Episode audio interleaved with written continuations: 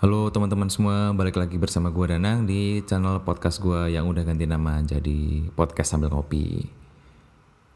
Nah, gue akhirnya memutuskan untuk ganti nama channel gue karena gue ngerasa kayak nama yang sebelumnya itu kayak pretentious dan kayak sok-sokan gitu sih menurut gue. Padahal kan, oke, okay, jadi buat yang lo, buat uh, lo yang belum tahu, nama podcast lama gue adalah Making Sense bersama Danang, ya kan terus kayak gue ngerasa kayak ih apaan sih? Ji banget sosokan gitu. Terus akhirnya dan toh juga omongan gue nggak terlalu make sense juga intinya kan kayak kayak makanya ya udah gue ganti aja.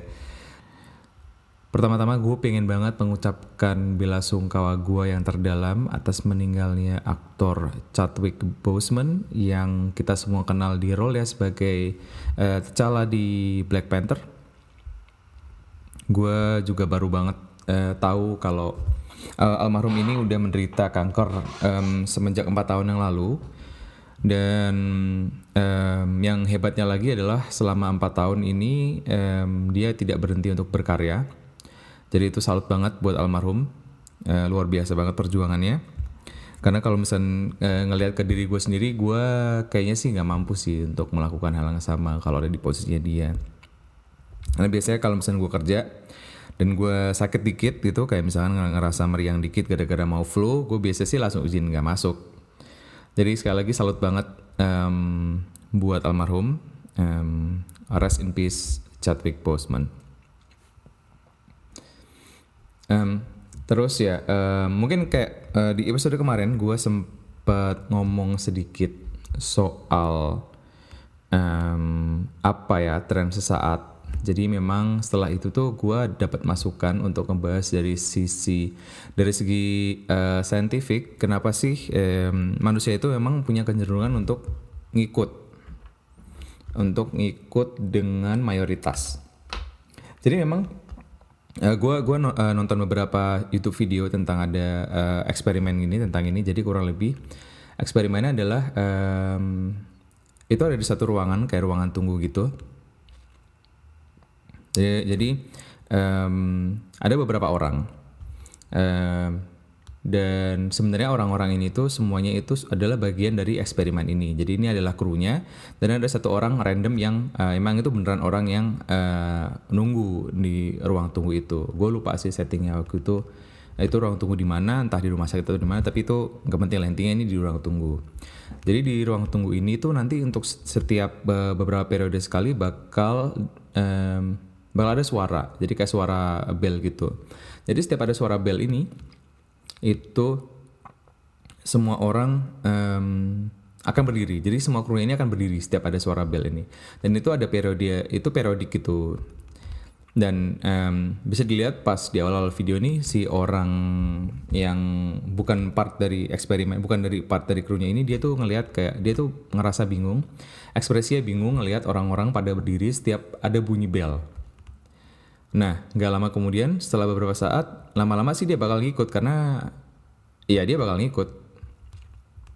Gitu. Jadi dan um, gue juga sempat baca-baca dan lihat uh, nonton beberapa video. Jadi memang ini sebenarnya adalah apa ya insting manusia ya sebenarnya itu udah ada dari um, lama itu sebenarnya untuk uh, insting survival. Jadi memang ketika kita itu konform dengan grup itu di masa lampau uh, itu akan membantu meningkatkan rate of survival kita karena uh, di alam liar itu akan se, um, istilahnya kalau misalnya di alam liar itu um, ketika kita tidak diterima oleh grup jadi ini ngomongin manusia purba ya. Dulu kan belum ada teknologi segala macam, jadi kita hidup di alam liar. Jadi kita ketika di uh, manusia hidup di alam liar dan tidak diterima oleh grup, jadi basically dia akan diusir um, dari grup karena tidak diterima segala macam itu um, rate of survivalnya bakal ngedrop jauh dibandingkan kalau misalkan kita tetap stay sama si grup gitu jadi memang ini adalah insting manusia untuk bertahan hidup jadi kalau misalkan kita ketika kita ngelawan sesuatu yang udah uh, umum di masyarakat itu memang um, secara insting kita akan menghindari untuk melakukan hal yang seperti itu yang menentang um, masyarakat apa ya masyarakat pada umumnya. Nah, cuman ini kan sayangnya adalah insting ini tuh menurut gua sih, menurut gua pribadi insting ini tuh sudah tidak berlaku di dunia uh, di dunia modern ini sebenarnya. Nggak terlalu nggak sebe, nggak karena hukumannya nggak sefatal dulu ya itu sih menurut gue jadi gue tetap menyarankan ketika ada tren atau apa pun tetap kalau bisa kita cari tahu lah kenapanya itu kenapa eh alasannya kenapa baru nanti kita putuskan dengan kepala dingin apakah kita harus ikut apa enggak. Ya itu sedikit um, intermezzo dari gue sebelum kita masuk ke topik utama. Nah sebelumnya gue pengen cerita jadi um, buat buat apa ya? Buat um, background gue pengen cerita dari um, gue juga udah pernah mention di episode saat episode berapa ya? Episode 2 ya? Episode 2 uh, gue pernah cerita bahwa gue mengalami kesepian dan itu lumayan nge-trigger um, apa ya? Semacam gejala-gejala depresi di gue kayak nggak bisa tidur. Terus tiba-tiba malam-malam gue suka kebangun dan itu tuh um, perasaannya tuh nggak tenang lah. Dan itu konstan banget uh, terjadi secara konstan di gua. Nah, hmm, ya ini ini satu hal ya. Nah terus uh, tahun lalu dan ini apa ya sebenarnya masih cukup sering terjadi uh, masih terjadi di gua sampai gue ngerasa udah mendingan banget sekitar dua bulan yang lalu. Um, jadi um, ya itu itu hal yang udah uh, terjadi uh, sebenarnya sih ini kalau buat gue ini udah terjadi dari sejak tahun 2016 2017 itu udah uh, terjadi di gue kayak gue sering ngalamin um, tiba-tiba uh, malam gue terbangun gue ngerasa kayak gue um, anxious banget um, dan seterusnya. Nah tahun lalu tahun lalu akhir tahun lalu gue uh, diajak sama teman gue untuk um, untuk main-main ke Amsterdam. Dan gue waktu itu excited banget gue excited banget. Jadi eh, gue belum pernah juga ke Belanda jadi gue iyain dan waktu itu bertiga jadi eh, berangkatlah kami ke Amsterdam. Gue ingat waktu itu um, berangkatnya itu malam kalau nggak salah jadi sore atau malam gitu. Jadi nyampe di sana malam. Um, terus landing di bandara malam habis itu kita langsung ke penginapan. Jadi untuk menghemat duit waktu itu kita waktu itu kami sorry waktu itu kami nginep di um, hostel. Jadi hostel itu mungkin di Indo nggak umum sih. Gue jarang sih lihat-lihat uh, hostel yang kamarnya di sharing untuk beberapa orang itu di Indo. Gue sejujurnya gue jarang lihat gue pernah lihat sih ada beberapa yang kayak gitu di Jogja cuman kayaknya nggak umum ya. Lebih orang lebih umum untuk menginap di hotel yang yang kamarnya itu emang uh, private room gitu. Tapi ini kalau yang waktu itu gue uh, sama teman-teman gue itu sama dua orang teman gue itu di satu kamar yang itu di sharing sama beberapa orang. Jadi waktu itu kita nyampe kita naruh kita naik ke kamar terus kita naruh barang. Waktu itu kebetulan karena kita datangnya paling malam jadi ya udah kita ngambil yang seadanya. Dan itu tuh kasurnya uh, kalau nggak salah ada tiga atau empat gitu bang beds. Jadi uh, gua sama temen gua dapat uh, kebagian yang di atas gitu. Ya nggak masalah sih. Nah jadi memang salah satu uh, tujuan gua sama teman-teman gua gua nggak tahu ya dua teman gua tujuannya apa? Cuman kalau gue um, gue pengen banget nyobain nyobain ganja waktu itu. Jadi makanya gue semangat untuk ngeiyain. Um, jadi um, setelah nginep di hostel besoknya besoknya gue sama teman gue keluar lah dari sana. Jadi uh, emang cuma bawa satu backpack gitu kita keluar kita mulai jalan-jalan kita cari makan. Dan um, ya udah kita habis kita sarap bukan sarapan sih brunch lebih tepat. Kayak soalnya gue inget kita makan jam 10 jam 11 gitu. Terus kita langsung ke coffee shop. Nah ini ya um, sekedar informasi juga buat kalian nih. Jadi kalau misalnya di Amsterdam itu yang namanya coffee shop itu nggak jualan kopi. Jadi mereka jualan utamanya itu adalah ganja sebenarnya. Tapi somehow emang dikasih namanya coffee shop kalau kalian emang beneran pengen nyari kopi, itu kalian cari di cafe namanya gitu. Itu sih lumayan unik juga buat gue. Jadi um, ya, jadi um, gue waktu itu ya, sama temen gue ke coffee shop. Temen gue beli brownies. Jadi kan di sana juga uh, selain yang uh, bentuknya rokok itu mereka juga jualan ada lollipop juga terus mereka jualan um, kue-kuean yang bentuknya kue juga. Jadi biasanya kalau yang bentuknya kue atau makanan itu mereka pakai uh, essence-nya, pakai oilnya, pakai minyaknya gitu. Tapi ya kurang lebih efeknya sama. Jadi waktu itu gue beli yang rokok, nah, temen gue beli yang kue. Nah jadi eh, kebetulan di coffee shopnya waktu itu dia dia sebenarnya nggak malah nggak nyediain tempat sih. Dia dia cuma maksudnya dia nyediain tempat cuman kecil gitu. Waktu itu gue masuk lah eh, masuk ke sana dan gue uh, bakar bakar rokok gue bakar rokok rokok ganja gue waktu itu. Itu kocak karena kayak um, waktu itu waktu kita lagi duduk gitu dan teman gue makan kuenya um, kita sambil ngobrol-ngobrol gitu emang adalah adalah orang US gitu datang orang US itu aneh banget sih kayaknya emang dia sengaja jauh, datang jauh-jauh buat ngeganja kali ya itu aneh-aneh juga sih.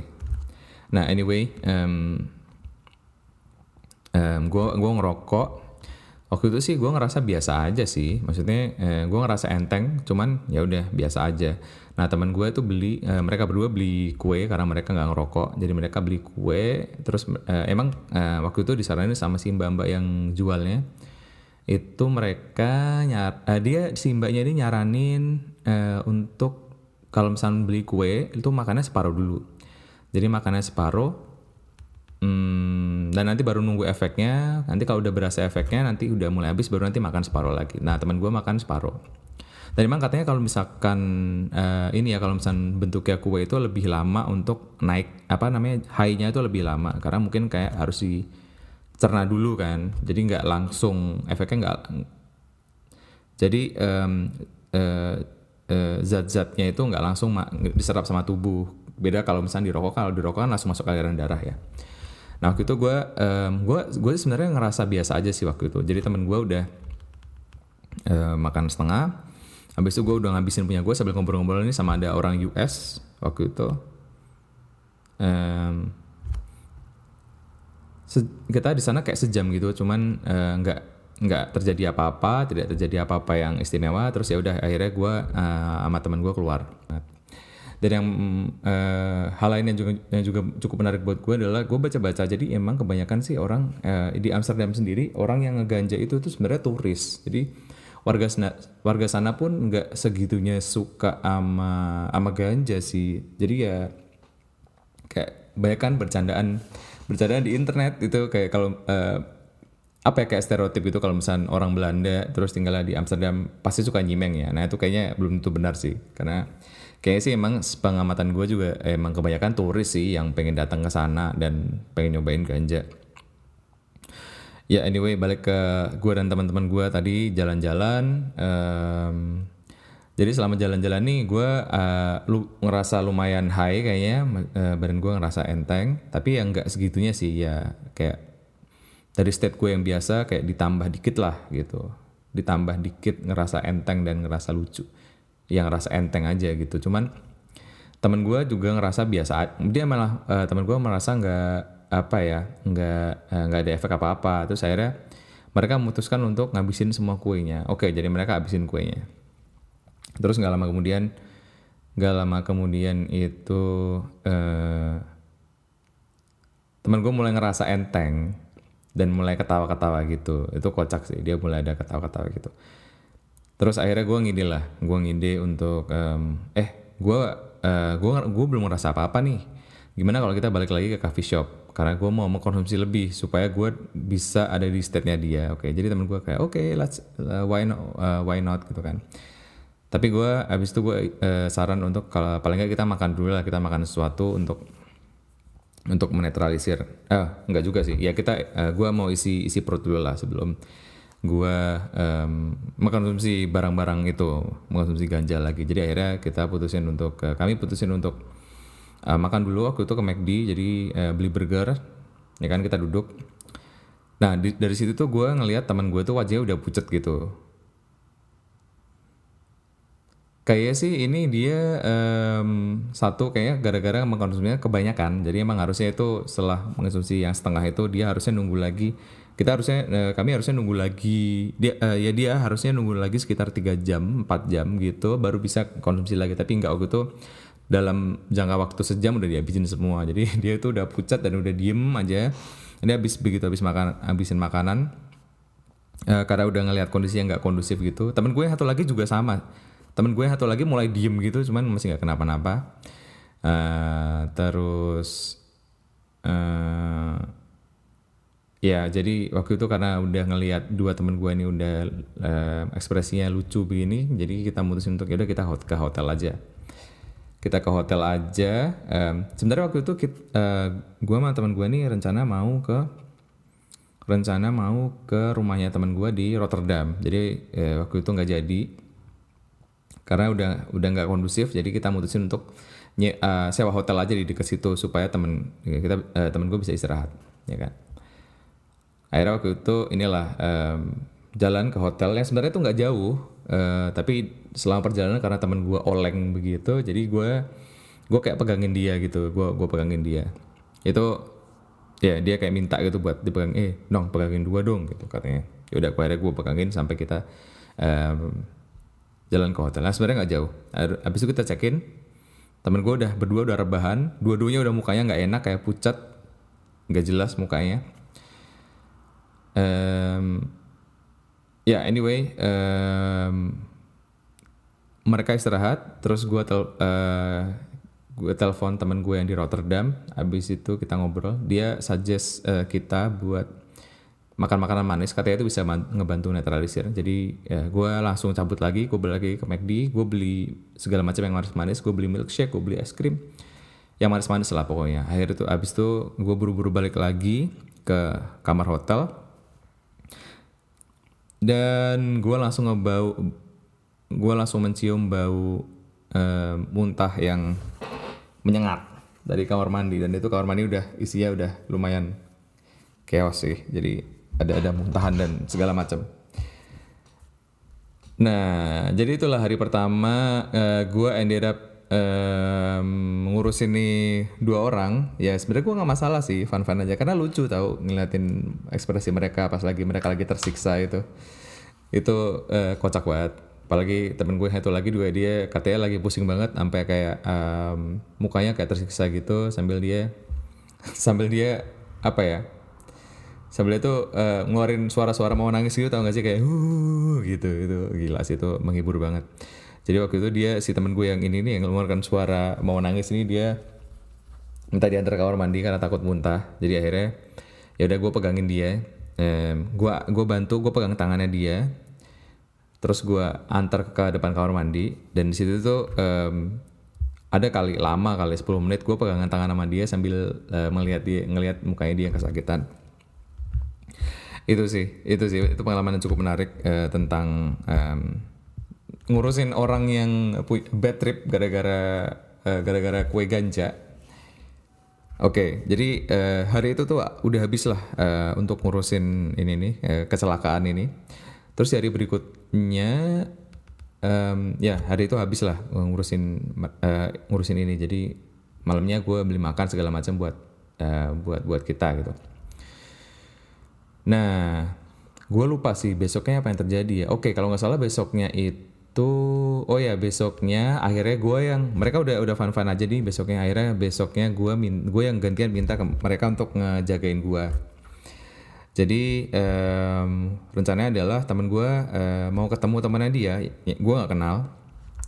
Jadi waktu itu kita bisa jalan, gue gue datang lagi ke coffee shop tapi itu sendiri karena gue mau coba enjoy gue mau mau enjoy jadi em, gue waktu itu beli yang beli yang rokok. Jadi karena gue tahu kalau misalnya gue yang beli yang rokok gue bisa kontrol ya. Kalau soalnya kalau misalkan yang beli yang kue kayak pengalaman temen gue itu agak susah dikontrol karena feedbacknya itu cukup lama. Jadi kalau misalnya rokok kan karena em, efeknya langsung berasa gue bisa kontrol kan. Gue mau gue mau eh, high se, se segimana. Nah jadi em, itu tuh gue gue gue lupa gue beli berapa banyak cuman gue kayaknya belinya lumayan banyak waktu itu.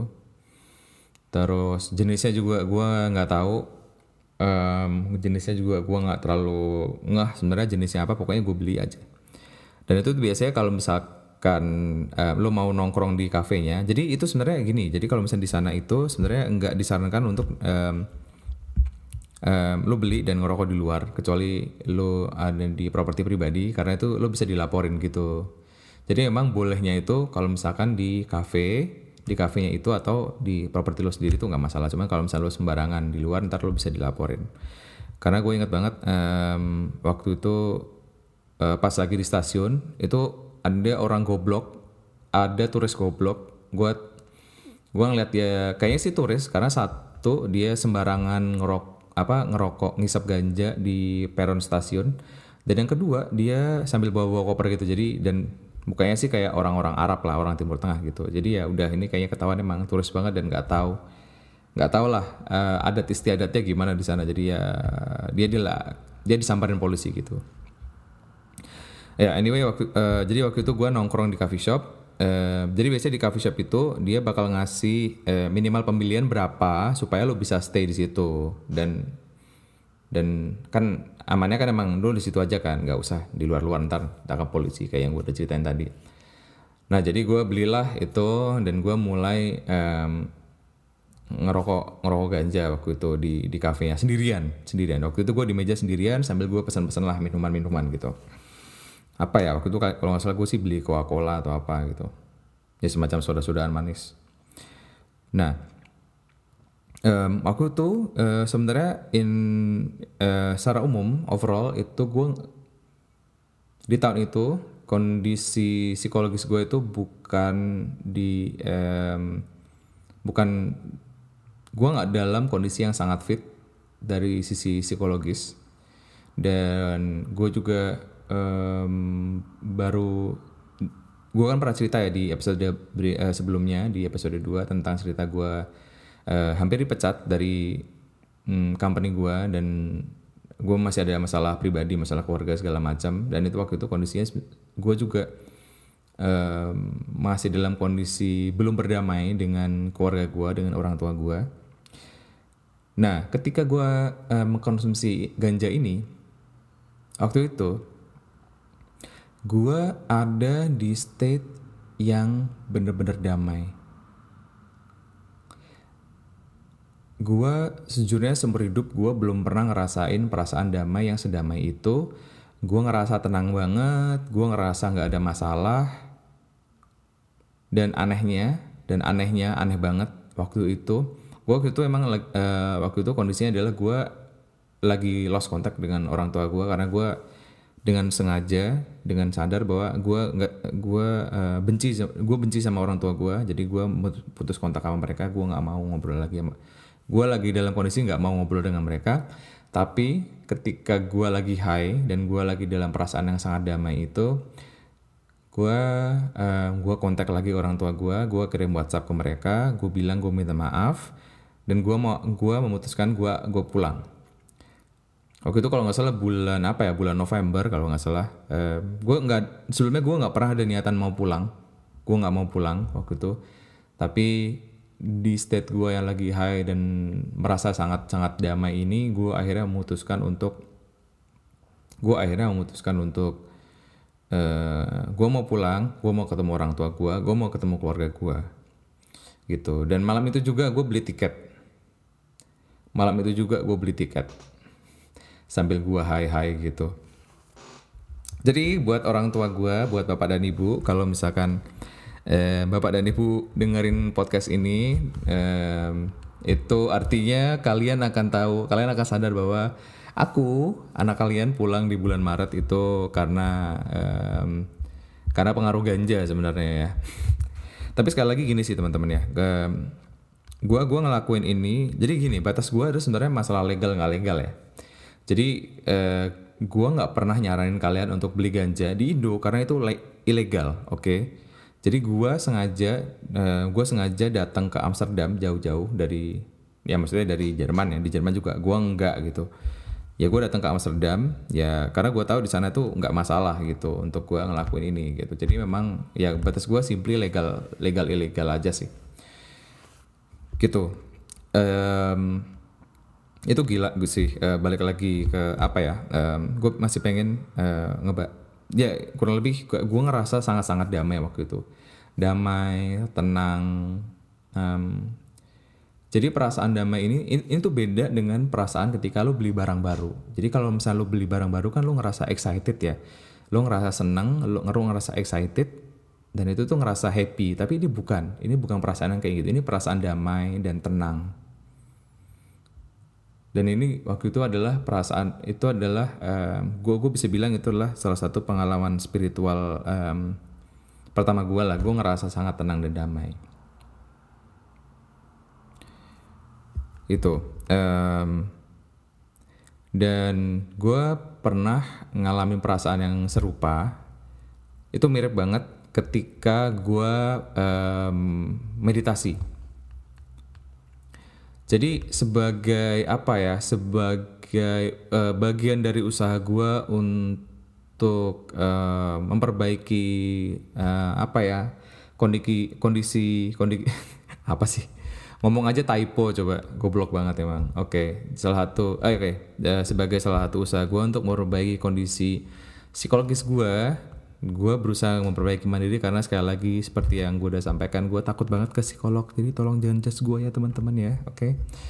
ya uh, gue um, gue mencoba gue gue mencoba untuk meditasi. Tapi ini ini uh, ini setelah ini ya setelah Amsterdam ini setelah Amsterdam. Gue mencoba untuk meditasi.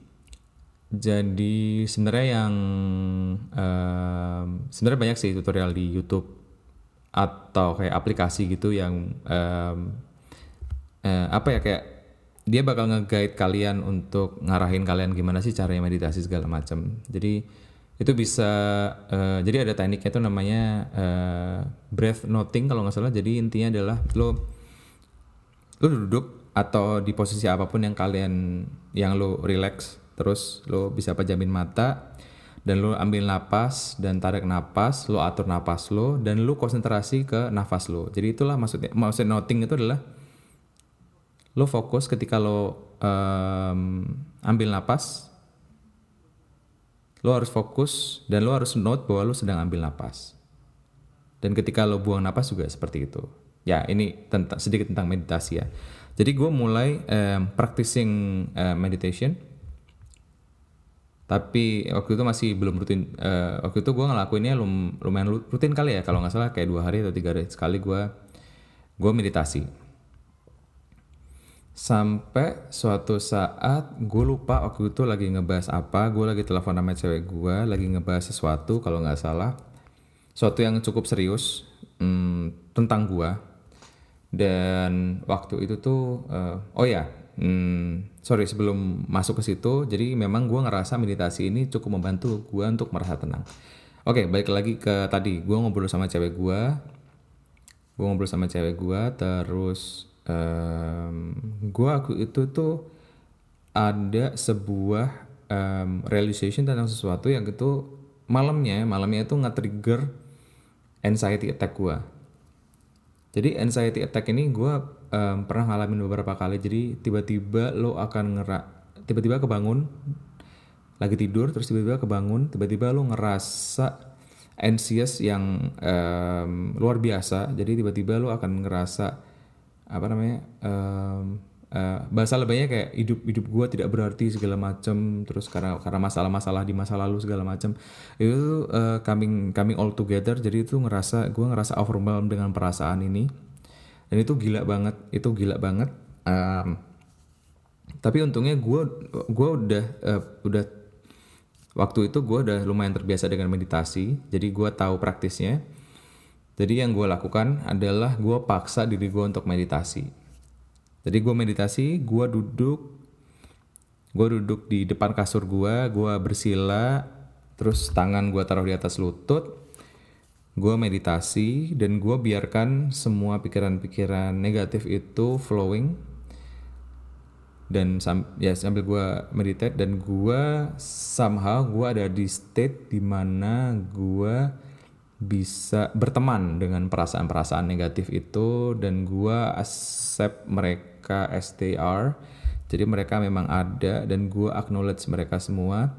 Dan somehow ya gue tuh punya um, selama proses meditasi ini itu gue ngerasa sedikit halu sih dalam artian ketika berusaha mengenali perasaan-perasaan negatif ini gue tuh punya gambaran gue sampai punya visualisasi kalau mereka tuh jadi makhluk hidup itu seperti apa.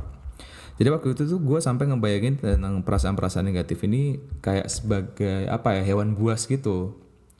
Dan gue nggak menolak itu ya gue nggak menolak itu jadi gue menerima bahwa mereka mereka itu ada.